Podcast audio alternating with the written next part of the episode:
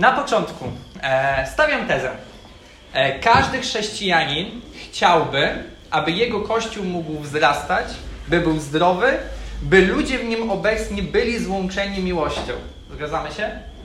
Tak. Okay. Test zdany. Kolejne pytanie, trudniejsze. E, tak więc o jakie rzeczy należy w szczególności dbać? Zarówno jeśli chodzi o kontekst e, osobisty, ja jako chrześcijanin, e, ale też jako społeczny, my jako Kościół. Co zrobić, żeby tak było faktycznie? Nie oczekuję odpowiedzi, odpowiedzcie sobie e, sami, a to kazanie mam nadzieję, że, że nieco nas do tej odpowiedzi przybliży. Chciałbym, co już Samuel powiedział, byśmy wspólnie dzisiaj spojrzeli na fragment listu apostoła Pawła, który napisał do społeczności w Kolosach. Możecie już otworzyć e, ten list na drugim rozdziale. E, chciałbym, abyśmy czytając ten fragment, przyjrzeli się, jakich rad wokół tego tematu udziela on chrześcijanom stanowiącym, e, stanowiącym tamtejszą społeczność. Ale nim przejdziemy do samego fragmentu, słowo wstępu na temat samego listu. List do Kolosan jest jednym z listów napisanych przez apostoła Pawła, E, w trakcie jego aresztu w Rzymie i wraz z listami do Filipian, Efezjan i do Filemona stanowi grupę listów więziennych. Samo miasto Kolosy w V wieku przed Chrystusem słynęło z przemysłu tekstylnego, włókienniczego i handlu, a ponieważ ówcześnie przecinały je dwa największe szlaki handlowe w Azji, e, w Azji Mniejszej, określane ono było przez ówczesnych pisarzy jako wielkie miasto krainy nazywanej Frygią. W Frygii znajdowały się kolosy. Około roku 60 albo 61 w Dolinie Likan, w której znajdowały się kolosy wraz z dwoma innymi miastami, pobliskie, tym, e, pobliskie kolosom były miasta Hierapolis i Laodycea. Z innych fragmentów Biblii możemy coś niecoś wiedzieć o Hierapolis i Laodycei. Doszło do poważnych trzęsień ziemi które poważnie dotknęły Laodykseję oraz najprawdopodobniej Hierapolis, no i właśnie nasze kolosy. Przyjmuje się, że list ten został napisany na krótko przed tymi wydarzeniami. A więc e, jeżeli do samego trzęsienia ziemi doszło 60, 61 rok, więc około, około roku 60 e, w przybliżeniu ten list został przez apostoła Pawła napisany. E, niemniej już wcześniej, przed napisaniem tego listu, miasto określone wcześniej pięć wieków wcześniej mianem wielkim, wskutek przesunięcia szlaków handlowych na zachód, 18 km na zachód, przy, przechodziły wtedy przez Laodykseję i Herapolis, kolosy stopniowo ulegały ruinie. Gdy apostoł Paweł pisze swój list do kościoła w Kolosach, e, miasto jest już właściwie u kresu upadku, a za około 150, 150 e, lat już właściwie całkowicie się pogrąży, całkowicie upadnie. I kiedyś wielkie, teraz małe miasto, małe miasto Kolosy e, jest najmniejszym miastem, najmniejszym kościołem, najmniej ważnym kościołem, do którego adresowany był jakikolwiek list świętego Pawła, o którym wiemy. Inne miasta, takie jak Korynt, takie jak Efes, Rzym, były to wielkie miasta, które, które były niezwykle istotnymi punktami na ówczesnej mapie, natomiast kolosy takie nie były. E, I same kolosy były również miastem kosmopolitańskim, e, miastem, którego ludność stanowiła wybuchową mieszankę. Mieszankę kultury hellenistycznej e, i żydowskiej. I to widać w tym liście, w którym Paweł bezpośrednio odnosi się do problemów, które dotykały ówczesną społeczność, dotykały ówczesny Kościół. E, Kościół ten zmagał się z jednej strony z, gnostyckimi, z gnostyckim mistycyzmem, a z drugiej strony z legalistycznym judaizmem. Nauki, które, które były głoszone w mieście, które były tam popularne i, i, i były e, kontekstem ich życia, e, stopniowo mieszały się z, z wcześniej przyjętą przez nich doktryną chrześcijańską. E, I z początku tego listu wiemy, że istnienie samego Kościoła, e, obecność chrześcijan w, tych, w tym miejscu, e, zarówno w Kolosach, jak i najprawdopodobniej w Hierapolis, jak i Laodycei przez bliskość tych miast, było najprawdopodobniej skutkiem misji jednego człowieka, Epafrasa. W pierwszym, e, w pierwszym rozdziale czytamy o Epafrasie, Epafrasie, który, który był określanym mianem dobrego sługi, mężczyzny, który najprawdopodobniej nawrócił się w czasie podróży w okolicy Efezy, w Efezu, gdzie, gdzie wcześniej Paweł przechodził przez, taką, przez taki okres wzmożonej swojej działalności misyjnej. E, I Epafras najprawdopodobniej w tamtym czasie, w tamtym miejscu się nawrócił. E, usłyszał o Jezusie, usłyszał Ewangelię, e, zaniósł je w swoje rodzinne strony i tam głosił dalej. I tym głoszeniem przyczynił się do powstania najprawdopodobniej, tak jak już mówiłem, trzech społeczności. Na pewno społeczności w Kolosach. Gdy wśród wiernych pojawiły się problemy wynikające z tej wybuchowej mieszanki kulturowej, Epafras dalej trwał w tej misji, trwał w tym, e, e, w tym budowaniu tego kościoła e, bardzo aktywnie, ponieważ postanowił wyruszyć do Rzymu. Przemierzał, przemierzył około 2000 kilometrów. I to dla nas może się wydawać nie za dużo, dla nich to były odległości zupełnie inne. Pojechał do Rzymu, gdzie Paweł tkwił w niewoli i poprosił Pawła o pomoc o pomoc, y, o pomoc y, z tym, w jaki sposób sobie poradzić z problemami w tym, w tym, w tym kościele.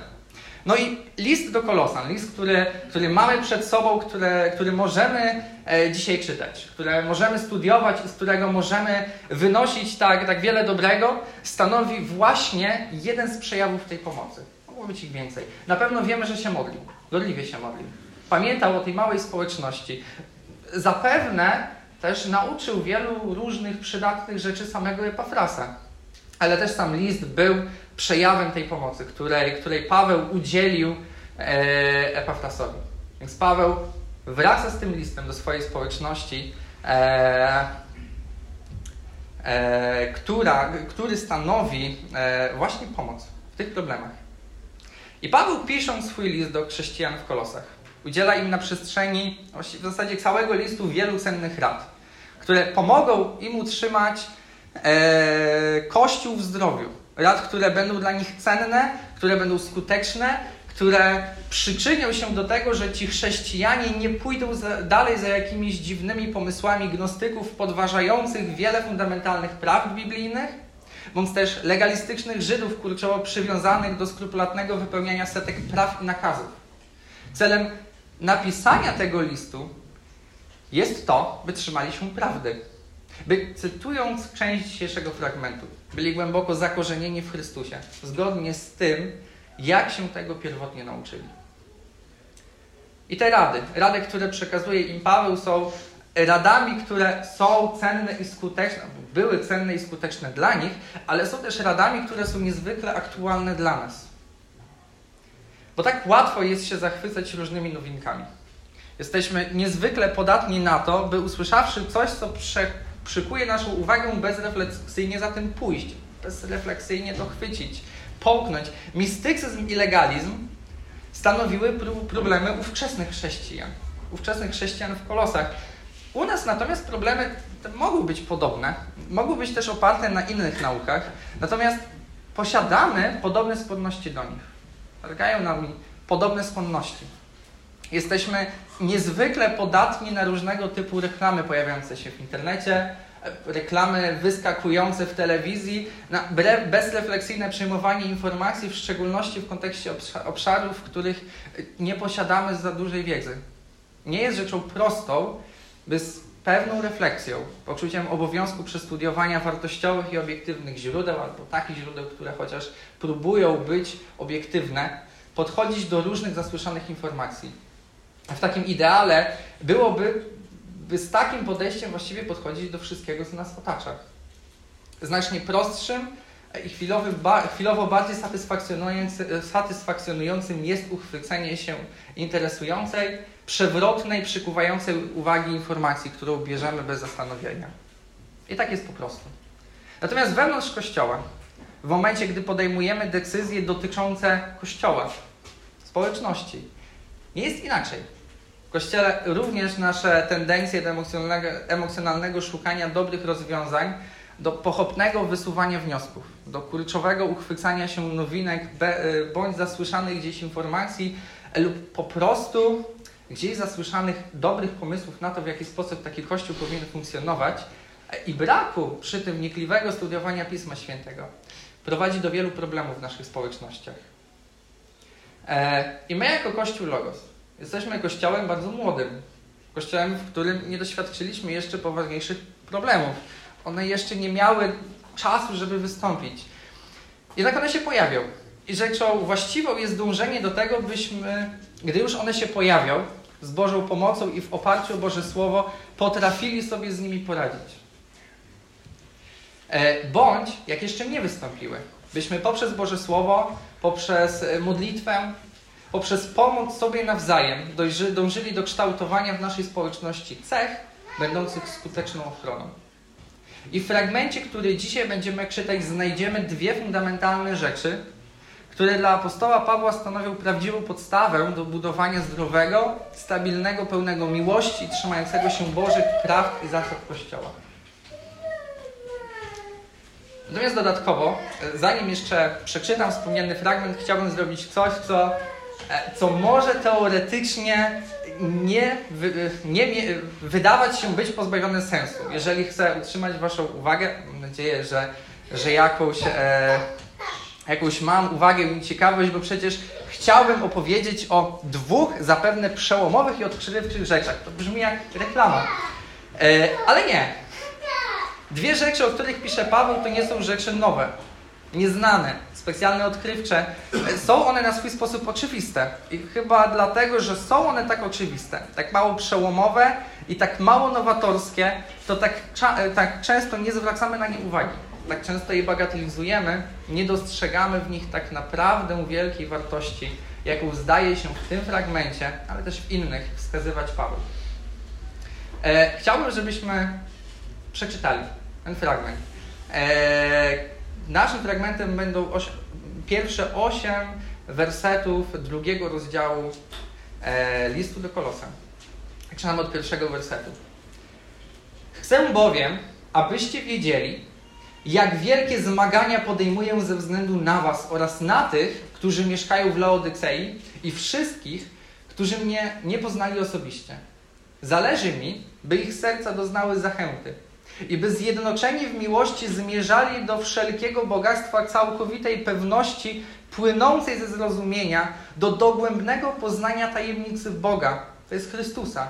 W Nim zawarte są wszystkie skarby mądrości i poznania. Mówię o tym, aby was nikt nie zwodził podstępnymi wywodami. Bo chociaż ciałem jestem nieobecny, to jednak duchem jestem z wami i cieszy mnie wasz porządek oraz wasza niewzruszona wiara w Chrystusa. Jak więc przyjęliście Jezusa Chrystusa, Pana, tak też zjednoczeni z Nim postępujcie. Jako ludzie zakorzenieni w Nim, jako ci, którzy się w Nim budują i w Nim umacniają swą wiarę, zgodnie z tym, jak Was nauczono. Przy tym, niech zaś, yy, przy tym zaś niech przepełnia Was wdzięczność. Uważajcie, aby was ktoś nie wpędził w niewolę, zręcznie manipulując rzekomą nauką, opartą na ludzkiej tradycji oraz na zasadach, które rządzą światem, a nie na Chrystusie. Gdybyśmy spojrzeli na ten fragment z góry, e, to, moglibyśmy zauważyć, że składa się on z dwóch części.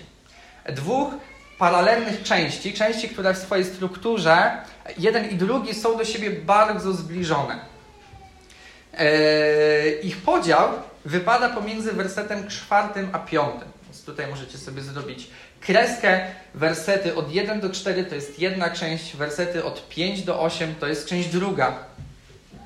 E, wersety 1 oraz 5, czyli tak skaczemy, e, stanowią rodzaj wstępu. Apostoł Paweł w jednym i w drugim, czyli piątym wersecie, e, przedstawia swoją troskę o nich i zapewnia, że ma ich w pamięci. Mówi on, że dokłada starań by być dla nim wsparciem. I o różnych przejawach wsparcia, które, które Paweł okazywał Kolosanom, już mówiliśmy. E, dalej, wersety od, 3 do, e, od 2 do 3 oraz od 6 do 7 w tych dwóch częściach stanowiał, stanowił wyraz treści tych starań. bądź też treść modlitwy kierowanej do Boga przez Pawła za Kolosan. Natomiast w wersetach 4 oraz 8 apostoł opisuje cel jego starań. Wiedząc o problemach, z których Kolosanie się aktualnie zmagają, Paweł odnosi się do ochrony przed fałszywymi naukami szerzącymi się w tamtejszej społeczności. Pragnie on, by treść tych starań, jak czytamy, uchroniła ich przed podstępnymi wywodami, przed zewnętrznymi manipulacjami rzekomą nauką na, e, opartą na ludzkiej tradycji oraz na zasadach, które rządzą światem. E, natomiast problemy w kościołach są różne. Nawet problemy w różnych kościołach, do których sam apostoł Paweł pisał swoje listy, były często kompletnie inne. Zmagały się z różnymi trudnościami. Nie ma kościoła, którego problemy byłyby takie same jak w innych. Moglibyśmy spędzić najbliższy czas tego kazania na rozważaniu tych samych problemów. Tych problemów, z którymi te, ci kolosani się zmagają. Z tym, że inni ich próbują zwieść, że inni próbują ich manipulować. Natomiast nie wydaje mi się, żeby te problemy były sednem tego fragmentu. Wydaje mi się, że, ten, że to sedno jest o wiele głębsze. Bo Paweł w tym fragmencie e, te problemy wspomina. To jest pewien ważny kontekst. Natomiast ich nie wytłuszcza, nie skupia się na nich. Treść starań podejmowanych przez Pawła nie dotyczy wcale dyskusji z gnostykami czy też legalistycznymi Żydami. Te konkretne problemy na pewno właśnie stanowią kontekst całej jego wypowiedzi. Bardzo ważny kontekst, jednak nie są jej treścią. Znaczy, treść starań nie skupia się bezpośrednio na całym problemie. Treść Pawłowych starań jest niezwykle uniwersalna. To o czym pisze? Ta treść tej modlitwy jest niezwykle uniwersalna. Słowo, które Paweł kieruje do, do Kolosan w wersetach od 2 do 3 oraz dalej od 6 do 7 e, są niezwykle ogólne, natomiast absolutnie nie wpływa to na to, że mają one mniejszą wartość bądź mniejszą skuteczność, a wręcz przeciwnie. Paweł nie daje Kolosanom recepty na terapię celowaną. Nie wskazuje na precyzyjne, ukierunkowane, nowe, odkrywcze rzeczy będące szpilką, która przybije balon fałszu obecnego w ich, w ich społeczności. Nie jest coś konkretnego wymierzone w gnozę i w legalizm, które powoli wdziera się do ich społeczności. Paweł robi coś o wiele więcej. W treści swoich zmagań skupia się tak naprawdę na dwóch niezwykle zwyczajnych i prostych aspektach ich życia, których poprawa albo ogóle obecność, pojawienie się ich wśród nich będzie stanowić siłę stanowiącą skuteczną obronę przed fałszywymi naukami. W ich przypadku albo przed czymkolwiek innym, co być może stanie się i problemem wśród nas. E, to jest coś jak aktywność fizyczna albo zdrowa dieta e, dla naszego ciała, e, w tym, że pomnożona wielokrotnie. Wersety od 1 do 3. Chcę bowiem, abyście wiedzieli, jak wielkie zmagania podejmuję ze względu na Was oraz na tych, którzy mieszkają w Laodycei i wszystkich, którzy mnie nie poznali osobiście. Zależy mi, by ich serca doznały zachęty i by zjednoczeni w miłości zmierzali do wszelkiego bogactwa całkowitej pewności płynącej ze zrozumienia do dogłębnego poznania tajemnicy Boga, to jest Chrystusa. W Nim zawarte są wszystkie skarby i mądrości poznania. Werset czwarty jeszcze mówię o tym, aby was nikt nie zwodził podstępnymi wywodami. Niezwykłe błogosławieństwo wiąże się z poznania Chrystusa. Jak czytamy w wersecie trzecim, to właśnie w nim zawarte są wszystkie skarby mądrości i poznania. Paweł pisze, że drogą do prawdziwego poznania Chrystusa, uzyskania niezwykłej pewności ulokowanej w nim, w zrozumieniu tego, kim On jest, co dla nas zrobił, jaką przyszłość nam obiecał, jest zjednoczenie się w miłości uzyskane poprzez zachętę. I ta zachęta zdaje się stanowić punkt wyjścia do dalszych elementów wymienionych w tych dwóch wersetach. Paweł opisuje swoje starania w wersecie pierwszym. I myślę, że robi to celowo. Robi to celowo, by dać przykład, by inni również te starania, podejmowali by członkowie tego kościoła byli dla siebie nawzajem zachętą, tak jak Paweł jest zachętą dla nich. I to jest naprawdę niezwykle istotne, jak wielkie znaczenie stanowi zachęta w kościele. Bo gdy starożytny Izrael chciał przyjść do obecności Boga, kiedy chciał go poznać, kiedy chciał go doświadczyć, przychodził do świątyni. Natomiast współcześnie nie mamy świątyni.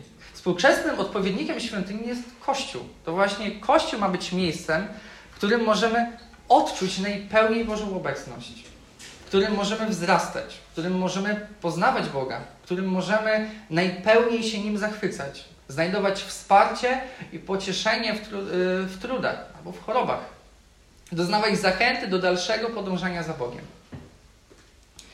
I przyczyną, dla którego Kościół jest tak niezwykły, jest to, że to właśnie Kościół pan, po, powinien stanowić współcześnie najpełniejsze odbicie Bożej chwały. To właśnie patrząc na siebie nawzajem mamy wzrastać, złączeni zachętą do tego, że widzimy w innych Boże prowadzenie, że widzimy w innych Boży charakter, że widzimy w innych to, jak Bóg działa przez innych. Patrząc na siebie nawzajem, mamy wobec siebie nawzajem stanowić źródło zachęty, która dalej ostatecznie doprowadzi nas jako społeczność do zjednoczenia we wspólnej miłości i wspólnego zmierzania do coraz większego i większego poznania, a przez to do coraz większej i większej świadomości tego, kim jesteśmy w Chrystusie. I niestety myślę, że zachęta, o której czytamy w tej pierwszej części, e, jest czymś właśnie w teorii oczywistym. Myślę, że wiemy o tym, że mamy stanowić dla siebie źródło zachęty, ale mimo wszystko to jest rzecz, która jest, nie chcę powiedzieć, że rzadka, no ale jest na pewno bardzo trudna. Choć powinno tak być, to tak często tak nie jest. Często nie jesteśmy dla, dla siebie zachętą. Tak często zamiast zachęty w kościele możemy znaleźć zniechęcenie. I to jest niezwykle smutne. Chrześcijanie odchodzą z kościołów. Same kościoły się rozpadają na wielu więcej wrogich względem siebie wspólnot, dlatego, że czujemy się zniechęcani w swoim własnym kościele. Powodów tej zachęty może być powody, powodów tego zniechęcenia może być wiele różnych. Natomiast to zniechęcenie jest naprawdę destrukcyjne. E, a co co więcej, co, co ważne nawet dla nas osobiście, e, my sami tak często stanowimy źródło zniechęcenia dla innych. Zamiast budować się w miłości, budujemy się w wrogości. Zamiast zmierzyć do pełnego, dającego nadzieję zrozumienia i poznania Chrystusa, chwytamy się różnych nowinek, różnych zaczerpniętych z wielu dziwnych źródeł pomysłów, odchodzimy od prawdziwego obrazu Chrystusa, stawiając przed sobą coś, co nigdy nawet nie widziało prawdziwie fundamentu. Zaciera nam się ten obraz tego, że my jako społeczność mamy być tam tym obrazem Chrystusa na tym świecie. Także co zrobić dalej? Co zrobić, by te słowa apostoła Pawła mogły w praktyce mieć miejsce w naszej społeczności? Nie mówię, że nie mają, ale jakby idźmy dalej. Co zrobić, aby, aby miały miejsce, aby mogły jeszcze bardziej i bardziej być widoczne w, w nas? w naszej społeczności, co zrobić, by te teoretyczne słowa mogły stać się naszą rzeczywistością i by dalsze części tych dwóch wersetów Mówię o tym, aby was, nie, znaczy nie, to jest, że, że o zjednoczeniu mi, w miłości, o całkowitej pewności po, po, poznania Chrystusa i tak dalej, i tak dalej. By te rzeczy mogły prawdziwie znaleźć odzwierciedlenie między nami. Właśnie w postaci zjednoczenia w miłości. W postaci bogactwa całkowitej pewności płynącej ze zrozumienia, do dogłębnego poznania tajemnicy Boga, to jest Chrystusa. Zależy mi, by ich serca doznały zachęty. I wersety od 5 do 8. Bo chociaż ciałem jestem nieobecny, to jednak duchem jestem z wami i cieszy mnie wasz porządek oraz wasza niewzruszona wiara Chrystusa. Jak więc przyjęliście Jezusa Chrystusa Pana, tak też zjednoczeni z Nim postępujcie jako ludzie zakorzenieni w Nim, jako ci, którzy się w Nim budują i w Nim umacniają swoją wiarę. Zgodnie z tym, jak Was nauczono, przy tym zaś niech przepełnia Was wdzięczność. Uważajcie, aby Was ktoś nie wpędził w niewolę zręcznie manipulując rzekomą nauką opartą na ludzkiej, e, opartą na ludzkiej tradycji oraz na zasadach, które rządzą światem, a nie na Chrystusie. Jezus Chrystus jest naszym Panem i Zbawicielem. Zostaliśmy w nim zjednoczeni. Jesteśmy trwale i nierozerwalnie zakorzenieni w nim. Wszystko, co budujemy, możemy budować na stałym fundamencie, na nim. Nasza wiara może się stale umacniać poprzez to, że jesteśmy w Nim. Z innych fragmentów, tylko z tego, wiemy, że zostaliśmy opieczętowani Duchem Świętym, który nas pociesza, który nas chroni, który nas prowadzi, który stanowi zapewnienie, pieczęć naszego zbawienia. Będąc w nim, mamy udział we wszelkim błogosławieństwie niebios. Tak często tego nie, nie pojmujemy i ja myślę, że nie pojmiemy. Tak wielkie jest to błogosławieństwo. Ze względu na to, że jesteśmy w Chrystusie, zostaliśmy ubłogosławieni niezwykłe miłosierdzie poprzez Jego śmierć. Nasz dług grzechu został spłacony. Nasza kara spalona Chrystusa. Poprzez Jego zmartwychwstanie zostaliśmy ubłogosławieni niezwykłą łaską obietnicy, że kiedyś i my zmartwychwstaniemy do nowego, wiecznego życia, wiecznej radości. I treścią starań Pawła w tym drugim fragmencie jest, by ta świadomość tych rzeczy sprawiła, że zostaniemy prawdziwie przepełnieni wdzięcznością. Nie narzekaniem, nie wyszukiwaniem najmniejszych błędów, uchybień, zaniedbań wśród naszych braci i sióstr, które się zdarzają i to pewnie dość często, u mnie na pewno się zdarzają, niezwykle łatwo, naprawdę niezwykle łatwo.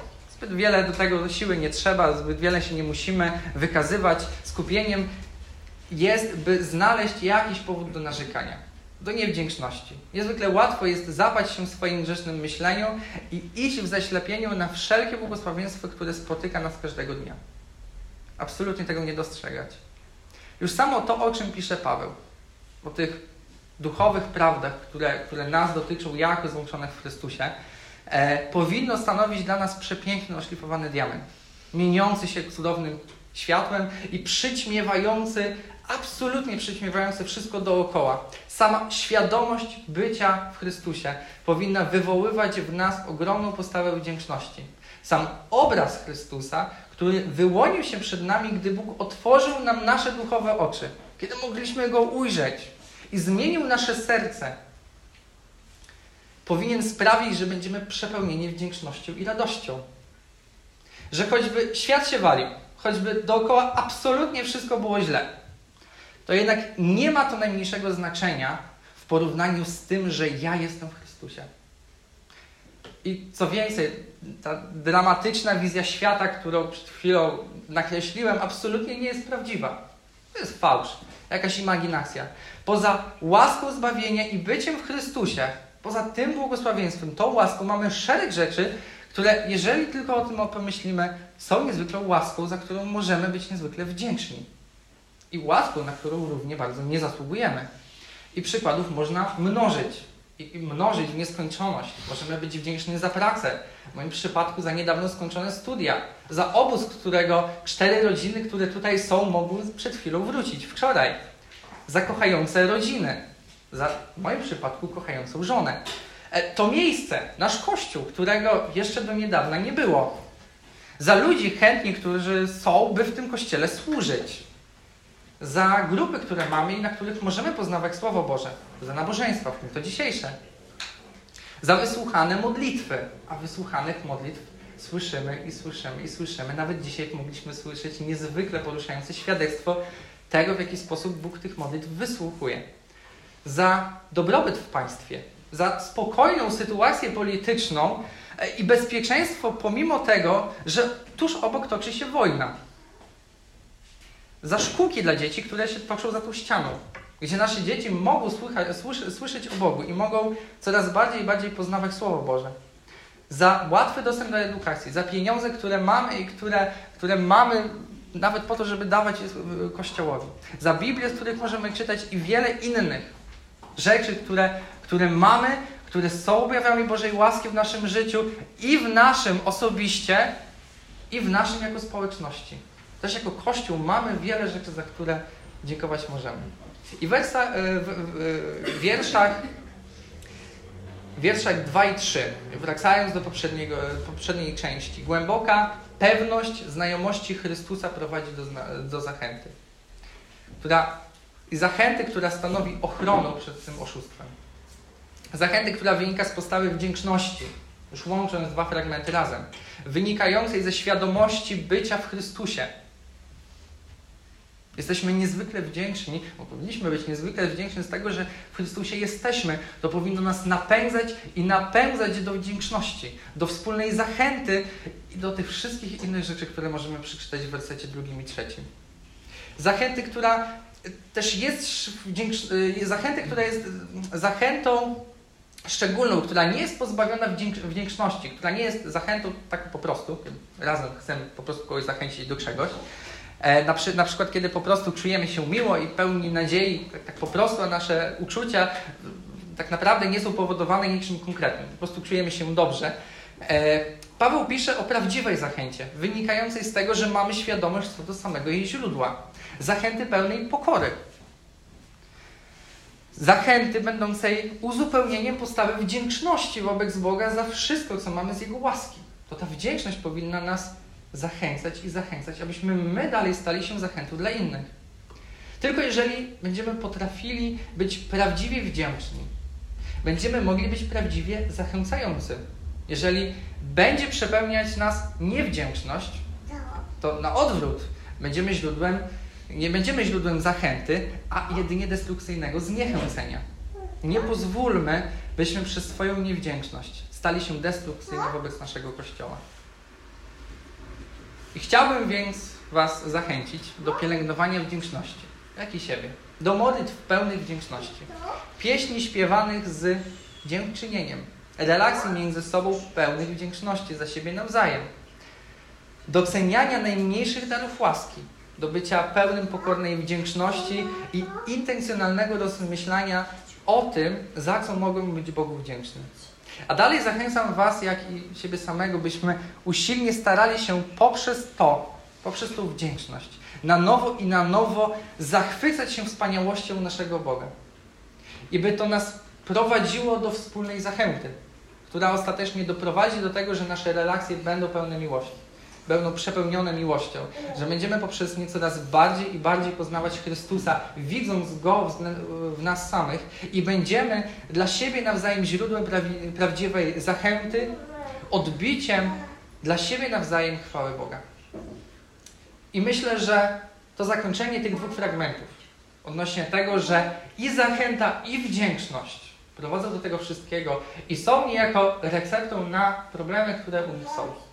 Myślę, że pielęgnując te cechy w naszej społeczności, możemy wyrobić w sobie cechy, które faktycznie pozwolą nam albo uniknąć, albo lepiej sobie poradzić z, wieloma innymi problemami. Tak niezwykłym błogosławieństwem jest to, kiedy Kościół jest wdzięczny e, i razem dla siebie stanowi źródło prawdziwej zachęty, która, która prowadzi do coraz lepszego i lepszego poznania Chrystusa. Amen. Powstańmy.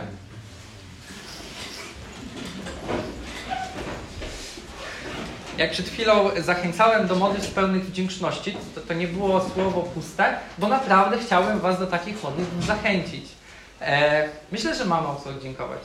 Myślę, że też jeszcze raz możemy chociażby podziękować za Karolinę. Myślę, że też mamy wiele innych rzeczy, za które dziękować możemy, więc teraz zachęcam, abyśmy wspólnie e, taki czas modlitw spędzili. Przepełnionych tą wdzięcznością. A ja zakończę.